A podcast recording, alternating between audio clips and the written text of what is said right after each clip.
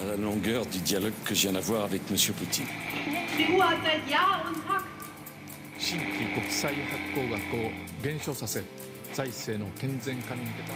Símbolo del fascismo en Sudamérica.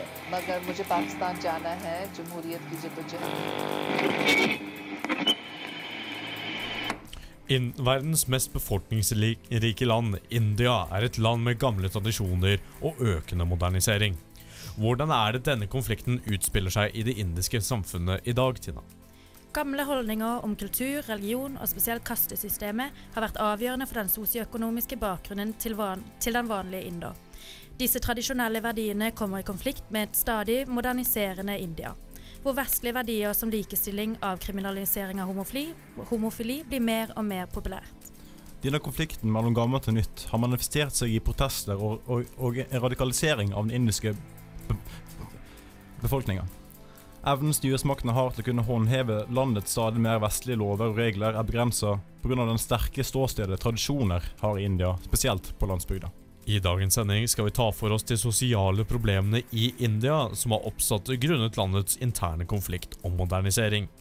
Med meg i studio har jeg Tina Lægreid og Jakob Kirkholt. Mitt navn er Magnus Nordahl Røtnes. Du lytter til Utenriksmagasinet MIR, og vi kommer straks tilbake. Mitt navn er Jørgen. Jeg kommer fra Banalpolitikk, og du hører på utenriksmagasinet MIR. Tina, hvordan er det ting som religion og kassesystemet påvirker samfunnet i India i dag? Det påvirker utrolig mye. Vi ser jo at nesten 80% av Indias befolkning er hinduister, og derav også eh, følger kastesystemet. Eh, dette kastesystemet er jo på en måte en lagdeling av samfunnet, hvor du har på en måte herskere på toppen, og så går det nedover i en rangstige. Og innenfor disse rangstigene så har du eh, klaner og subkulturer. Um, og den lagdelinga påvirker den vanlige inder veldig mye med at hvilke jobber han kan ta, eh, bestemmer mye for den sosioøkonomiske eh, tilrettelegginga, da. Liksom sånn for eksempel den, den underklasse, eh, dalittene, som er på en måte de kasteløse. De er de som må ta de skitne jobbene, eller det som anses som skitne jobber. Og, og det på en måte påvirker jo så klart den økonomien disse folkene innenfor den klassen har. Og Jakob, det som er litt interessant, er jo at, at kassesystemet er jo et primært religiøst system fra hinduismen. Eh, og man kan nesten ta litt paralleller til det føydalsystemet vi hadde her i Europa. Men det er jo litt eh, vilt å tenke på at man har et slags føydalt system eksisterende i India til så stor grad i 2018. Ja, men altså, det systemet der det strekker seg jo langt tilbake. da. Uh, vi snakker sånn 1000 år før Kristus. Tenker de at det da på en måte kastesystemet ble på en måte forankra i hinduismens hellige tekster. Og så har det på en måte vedvart da, uh, i den indiske kulturen i mange mange år. Uh, India er ofte beskrevet som å ha et, en, ofte en svak stat, men et sterkt samfunn. Det at disse kastegruppene de har gjerne mobilisert seg, organisert seg sjøl. Altså gjennom, gjennom India, som har hatt veldig, veldig skiftende på en måte eh, politisk historie. da, Mange fremmede herskere som invaderte invadert osv. Britisk kolonistyre. Men kastesystemet og den, der, den, på en måte, den mer fundamentale indiske sosiale oppbygginga, den har vedvart i 3000 år. Det er veldig vanskelig å forandre på det, da. men det skjer, sakte, men sikkert. Det som også er litt interessant, Tina, er at du nevnte det eh, med religion, og at 80% av alle som bor i India, er hinduister. Eh, verdens største hinduistiske land, eh, og India har nå blitt verdens mest befolkningsrike program Ikke program, men land, med over 1 milliard innbyggere. Hvordan er det for de resterende 20 av Indias befolkning som da ikke er hinduister? Vi ser gjerne at det er de resterende som på en måte lider mest. Det er de som på en måte faller under fattigdomsgrensa. Og, og også veldig interessant å se på mange av de i de lavere klassene, eller lavere kastene. Eh, konverterer nå til andre religioner på en måte for å slippe unna de fordommene som, som er i kastene. Sånn som hos dalittene. da, nå, nå begynner man å snakke om muslimske dalitter, f.eks. At og de jo, det, det, hjelper ikke så mye på den sosioøkonomiske biten med å være en muslimsk dalit, eller om du er en dalitt, fordi både muslimer, kristne og buddhister er òg fattige. Men uh, litt det med det sosioøkonomiske ved det hele kassesystemet, Jakob. Det er jo tydelig at det vi som regel ser av det moderne India uh, fra her i Vesten, er jo de uh, velstående personene som har eh, eier selskaper, eh, har, det, har et godt liv i og rundt eh, hovedstaden og de store byene. Men det er jo en stor kontrast mellom bylivet og livet på landsbygda. Ja, klart. eh, Det som skjedde, at India er vel, jeg tror per i dag, verdens ras raskeste økonomi. Så det har vært en enorm velstandsøkning. De har investert masse infrastruktur, utbygging osv. Men pga. hvordan klassene og sånt er inndelt i India, så har ikke det kommet alle til gode. De kasteløse f.eks. kan gjerne ta seg en høy utdannelse, men de får gjerne ikke jobber som de er utdannet til, fordi at de tilhører en lavere kaste. Det er på en måte Samfunnet øh, forventer at de utfører de, de tradisjonelle oppgavene som f.eks. en dalit har utført i 2000 år, om det da er å rydde gatene f.eks. Men er ikke det mer moderne strukturer i byene? Er det ikke primært på landsbygda at kassesystemet er prominent? Fordi i, ifølge lovene i India så er jo kassesystemet egentlig ulovlig.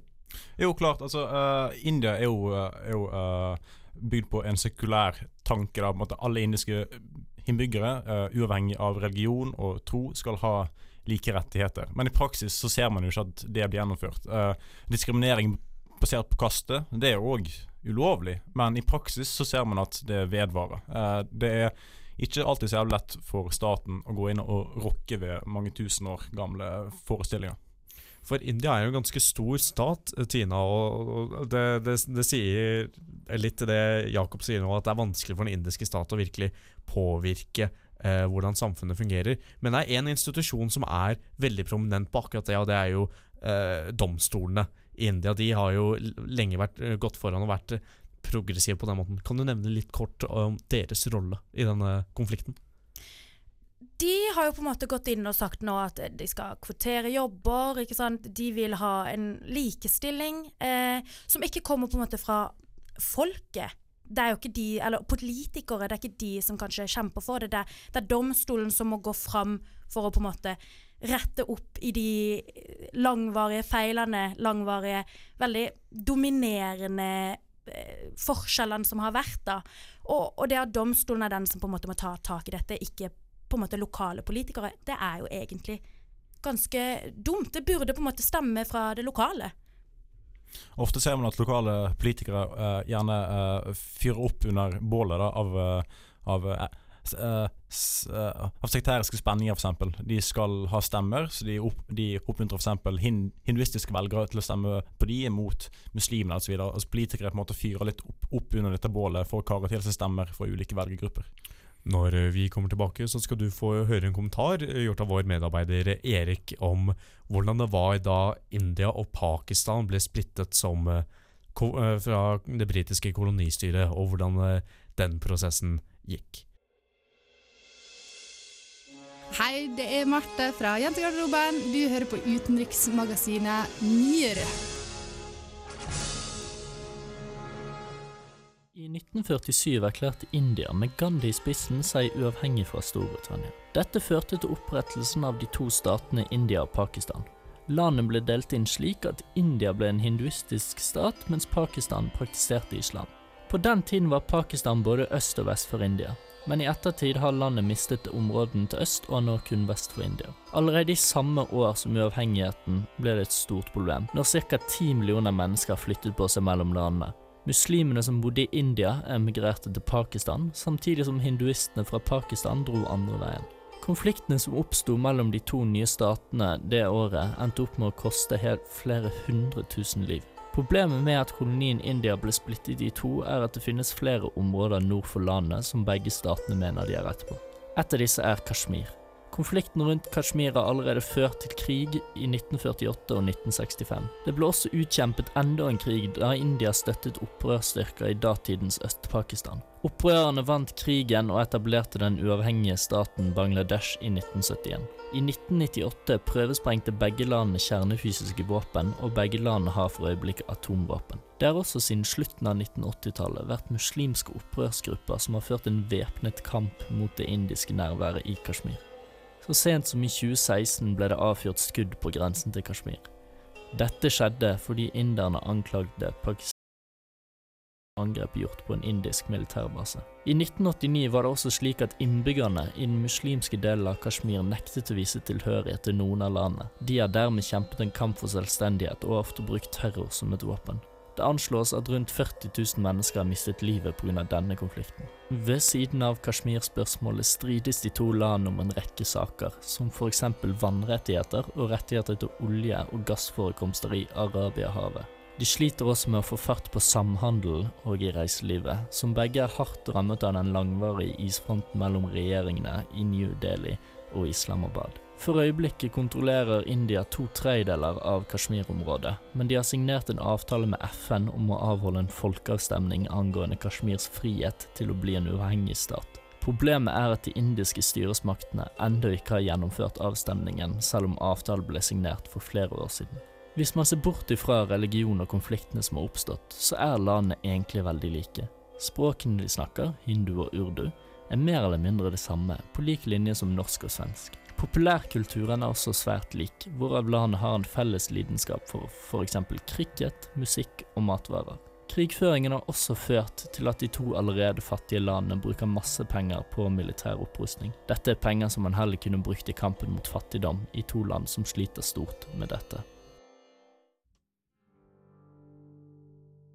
Se me sanciona porque convoco elecciones generales para que el pueblo vote libremente y elija una institución como la Asamblea Nacional Constituyente. Forstår du ikke hva Venezuelas president Nicolas Maduro sier her? Frykt ikke, for utenriksmagasinet MIR rapporterer på hele Latin-Amerika og resten av verden, slik at du kan få med deg de viktigste utenriksnyhetene.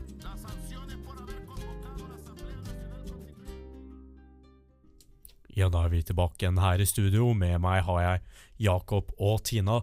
Og Jakob, vi snakket om dette litt i stad. Men det er jo enorme sosiale forskjeller på, fra landsbygda i India til de store byene. Kan du gå litt mer inn på det? Vel, eh, det ser man jo egentlig litt generelt sett òg, sånn i de fleste land. At folk på landsbygda er gjerne litt mer konservative. Eh, det er kanskje en god del mer av det i India der på en måte statens lange arm ikke når nødvendigvis veldig langt ut i landsbygda. Uh, nord i India så sliter de fortsatt med en, en lengre geriljakrigføring med, med maoistiske opprørere, på en måte. Så det, det, å tro at den indiske staten har full kontroll over hele India, det er, liksom, det er kanskje litt optimistisk, da. Men i selve på, på Forskjellen mellom landsbygda og byene er jo som regel, Tina, at de er mer liberale og mer moderne i, i, de store byene versus å være ganske konservative og fokusere på de gamle tradisjonene på landsbygda. Eh, det er jo der vi også ser at kastesystemet er eh, fortsatt i, i stor bruk, og at dalittene blir mest undertrykket. Men hvordan, er, hvorfor er den forskjellen så stor fortsatt? Altså, Jakob nevnte at det er litt vanskelig for staten å gripe inn, men eh, er det ikke en gradvis endring på landsbygda også? Jeg, jeg, tror egentlig ikke det. Jeg tror den er veldig håndfast, egentlig, den, um, den segresjonen som er på landsbyen. Fordi det er mer plass. Vi må tenke i byene, den popul eh, populasjonen som er. Og de slumområdene. ikke sant? Folk lever oppå hverandre. Du er på en måte nødt til å, til å ta naboen din for den den er. Men i landsbyer så, så er det mer eh, sånn separasjon av eh, kaster og underkaster.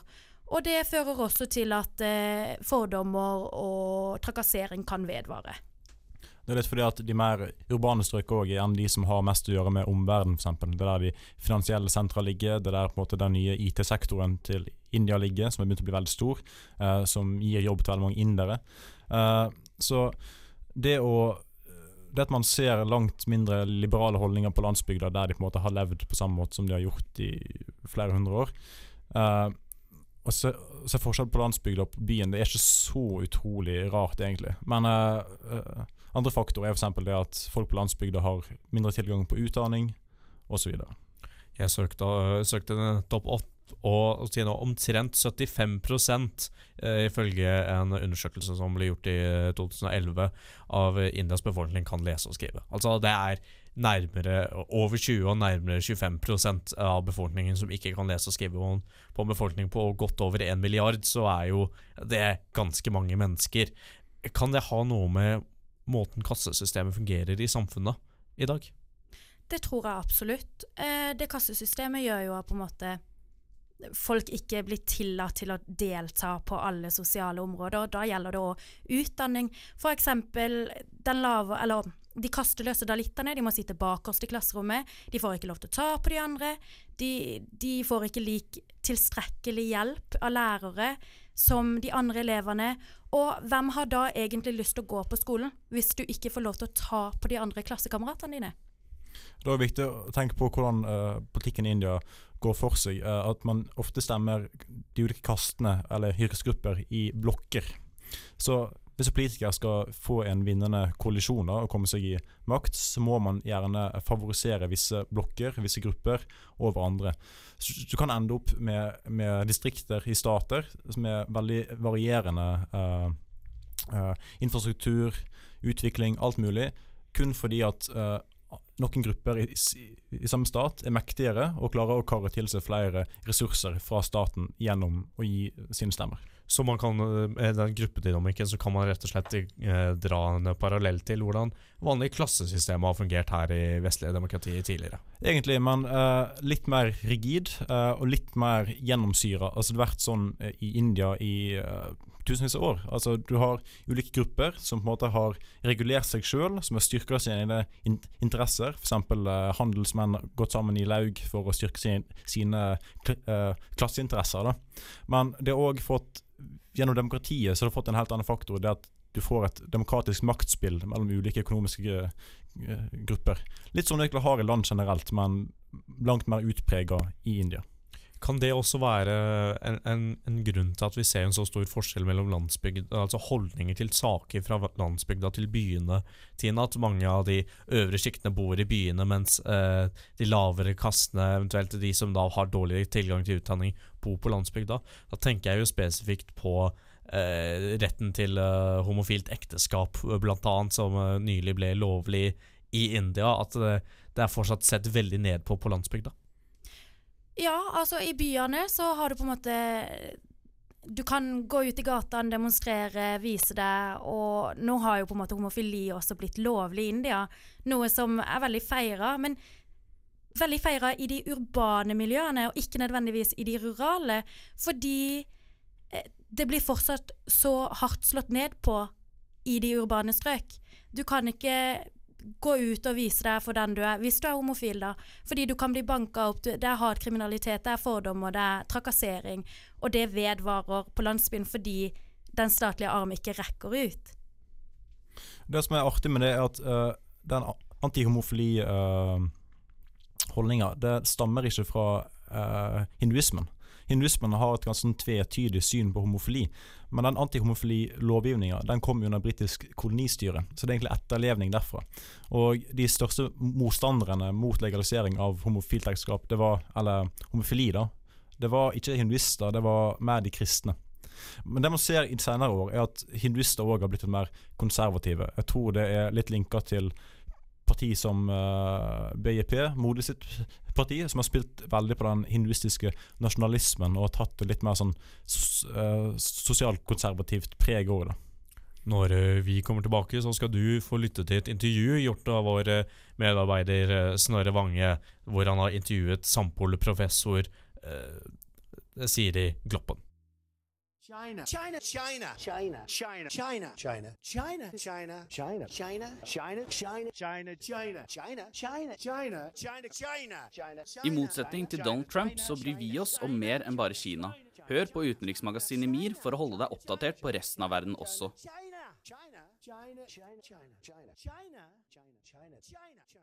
I dag har vi med oss Siri Gloppen, eh, som er professor ved UiB i sammenlignende politikk, og er leder for Center on Law and Social Transformation, som er et samarbeid mellom Universitetet i Bergen og Christian Michelsens institutt. God dag, Siri.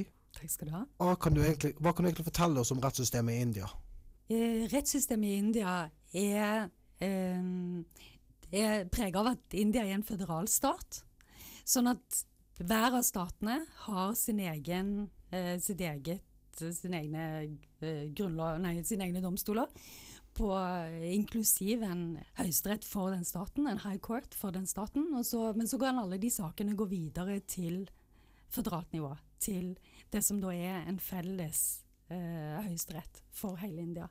Og det er en høyesterett som både er øverste ankeinstans, men som har eh, først og fremst er en grunnlovsdomstol som behandler viktige grunnlovssaker.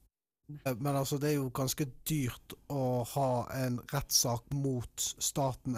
Og så er jo det store økonomiske forskjeller i India, Mm. og mange er jo veldig fattige. Så er det liksom statlige apparater som gir individer penger til at de kan ta en rettssak opp mot staten. Altså får de advokater og sånne ting.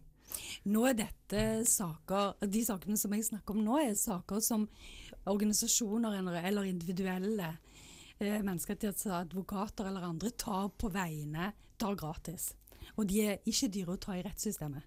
Sånn at, men, men det er klart at hvis du har en, eh, hvis du har en sak som, eh, som trenger en, en, Hvis du som individ går til, til domstolen og ikke går til en rettshjelporganisasjon, så vil du jo være avhengig av dine egne midler, og det er klart, det vil være veldig begrensa. Men denne muligheten til at organisasjoner kan ta saker på vegne av fattige grupperinger f.eks., har gjort at, at rettssystemet òg er viktig for folk som er langt nede i det sosiale hierarkiet.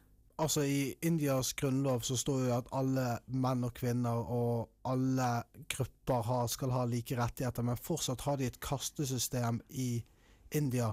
Hvordan, skal domstolen, hvordan kan domstolen være en aktør for sosial forandring i India i den forstand? Altså domstolen på høyest nivå, altså høyesterettsdommere og sånne ting. Det er klart at sosiale normer og religiøst forankra sosiale normer er veldig ofte veldig trege å forandre. Eh, det, som du sa, så ble jo kastesystemet forbudt i den indiske grunnloven, som nå er snart 70 år gammel. Sånn at det er jo ikke kastesystemet er jo ikke lovlig. Det er ikke lov å diskriminere pga. India, men det skjer jo hele tiden. Og folk er veldig, veldig klar over kaste. Eh, og jeg tror at det er eh, at det er noe som kan, eh, som kan gjøres når det gjelder direkte diskriminering. Det er mindre som kan gjøres med mer på det sosiale nivået. Men, men en liten ting. Altså, det, dette er en helt nylig dom som er kommet i løpet av de siste ukene. Hvor det har kommet en god del dommer som, eksempel, som gjelder kjønnsrelasjoner de siste ukene. Den ene gjaldt, eh, ga eh, kvinner adgang til et veldig viktig tempel i Kerala. Og dette er jo en dom som da har ganske store, stor betydning for, for kvinners eh, For diskriminering av kvinner i religiøse, i religiøse settinger. Og det, det, det, det er liksom et lite eksempel, men det viser at det er på en måte Man kan ikke Det, det, det, begrenser hva både lover og grunnlover kan gjøre, og hva rettssystemet kan gjøre, men det betyr ikke at de ikke de kan gjøre noe.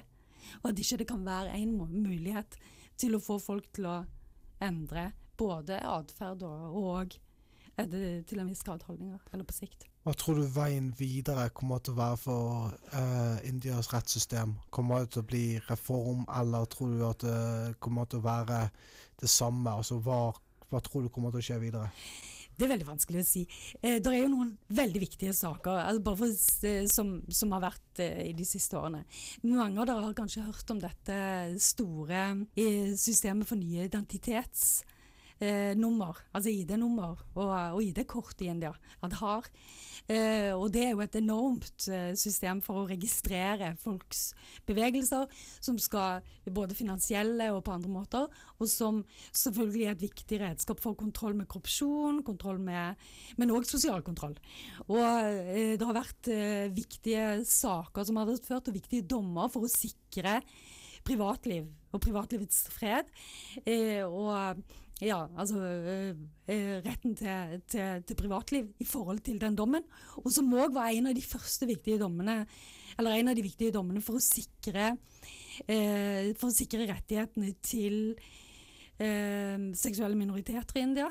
Det har vært enda et, en nyere dom som direkte har, bare for noen få uker siden, som direkte avkriminaliserte homofili i India, som har vært et stort, eh, stort eh, problem tidligere. Eh, og et stort stridsspørsmål transpersoners rettigheter er blitt i mye større grad beskytta i dommer de siste par årene. Det har òg vært mange dommer som har, har fokusert på kvinners rettigheter.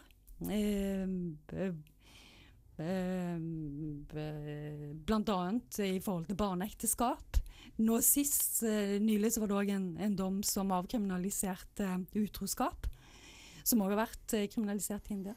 Sånn at det er en god del dommer som, som som dreier seg om viktige moralske spørsmål og viktige politiske spørsmål, som gjør at både domstolene blir mer utsatt politisk, men òg at de blir viktigere og mer relevante sosialt. Og disse dommene eh, har gjort at, at Høyesterett blir enda mer tydelig som en, som en viktig politisk og moralsk stemme i, i, og rettslig stemme i India, eh, men som samtidig er mer utsatt. Så det er spennende hva som vil skje. eh, om det blir eh, reformer, og hvilken vei reformen i så fall går. Tusen takk til Siri Gloppen som har vært med oss her i studio i dag. Tusen takk, Siri.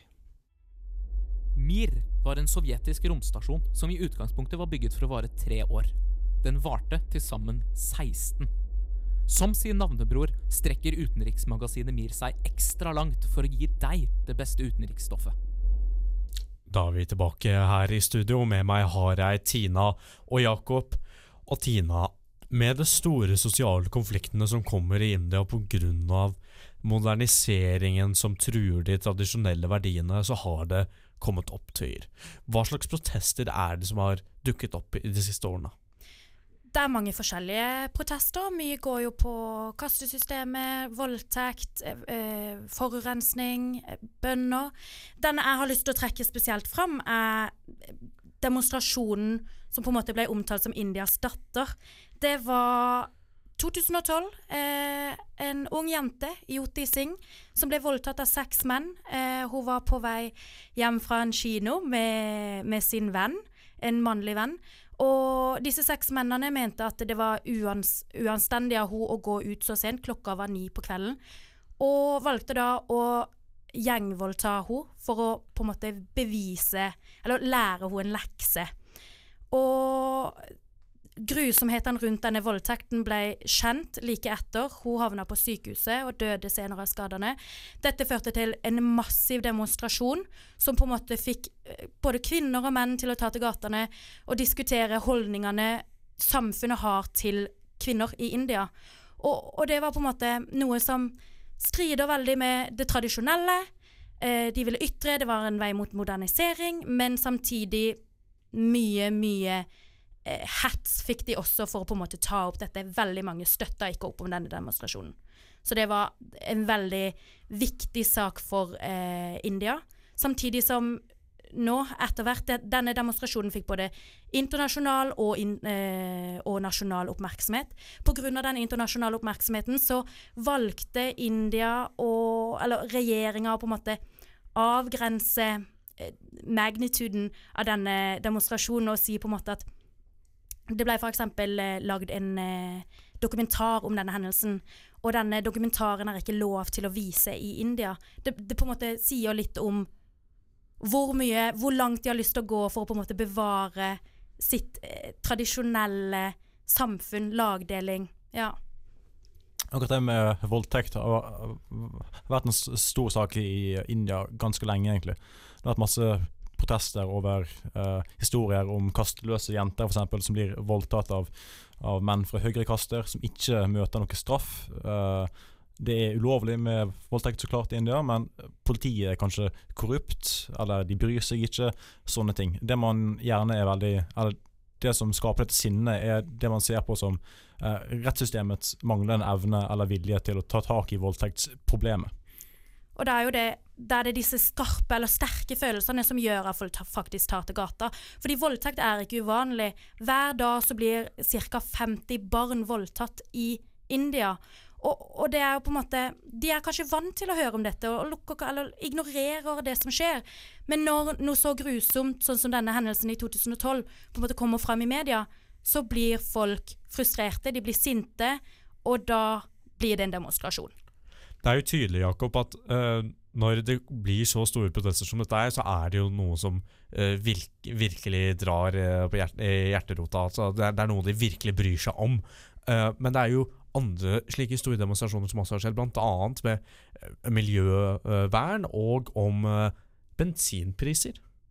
Ja, du hadde en stor uh, protest nå i uh, New Delhi uh, med bønder som møter minkende priser for, for produktet sitt, men økende kostnader i drifta, økende dieselpriser osv. Samtidig kan det være vanskelig for den indiske staten å hjelpe de eller subsidiere de pga. internasjonale frihandelsavtaler og protester fra andre store jordbrukseksportører i, i verden, da, som, på måte, som begrenser den indiske statens handlingsrom veldig. Eh, og Det er litt sånn småskummelt for India. Der eh, tror jeg halvparten av indiske befolkningen jobber innenfor landbruket. Og det er 200 millioner bønder, antar jeg. Så det er en uh, Politisk sett så er det en litt sånn uh, tvilsom greie der. Og bøndene er en veldig stor maktfaktor innad i indisk politikk. Men det er jo også sånn at selv om disse landsforhandlingene og sånn, så burde jo regjeringa og staten på en måte ta mer hensyn til bøndene sine når man hører hvor mange de er. Og også at de hiver inn, eller håver inn 16% av økonomien til India. Da burde de på en måte lytte mer til bøndene sine, og da skjønner man jo at så mange har valgt å ta til gata for å demonstrere, for å ytre at nå er de frustrerte. Det går ikke an å på en måte selge produkter til så lav pris når det koster så mye å produsere de. Og da er det ikke rart at folk blir frustrerte. Men det som også er interessant her, Jakob, er jo litt det som ble nevnt i eh, intervjuet som eh, Snorre gjorde, og det du sa tidligere om at den indiske stat er ganske svak. Eh, Det er, det, hovedmakten i New Delhi har jo vanskeligheter med å nå inn i de enkelte delstatene i eh, føderasjonen som er India. Men vi ser jo også at eh, det er jo big business eh, som virkelig har en innflytelse med hvor mye velstand de skaper, og selv om det har en negativ effekt på lokalmiljøene enkelte steder i India. Ja, klart. Uh, en ting òg er jo kastespørsmålet, f.eks. Det har vært store protester uh, del, plasser fra kaster som egentlig ikke sliter så veldig. Grunnen til det er at India har eh, begynt med sånn der affirmative action-greie, der de skal tilby offentlige jobber og goder og stillinger til tidligere utsatte og undertrykte kaster. Det det har ført til, er at flere og flere kaster kjemper om å få status som uh, undertrykt, og det karrer til seg uh, nye, nye benefits. Så, så du ser òg egentlig ganske velstående kastere også, som går inn i voldelige protester for å karre til seg mer. Når eh, vi kommer tilbake, så skal vi snakke litt mer om det du akkurat sa, Jakob, om affirmative action, og hvordan det indiske samfunnet og stat reagerer på moderniseringen innad i landet. Har du selv hatt samtale med Meshal? Nei. Kan vi ikke ta eh, opp opptaket på dette eh, på ny? Hvis du heller ikke fikk med deg alle spørsmål, kan du høre alle våre sendinger på iTunes og srib.no.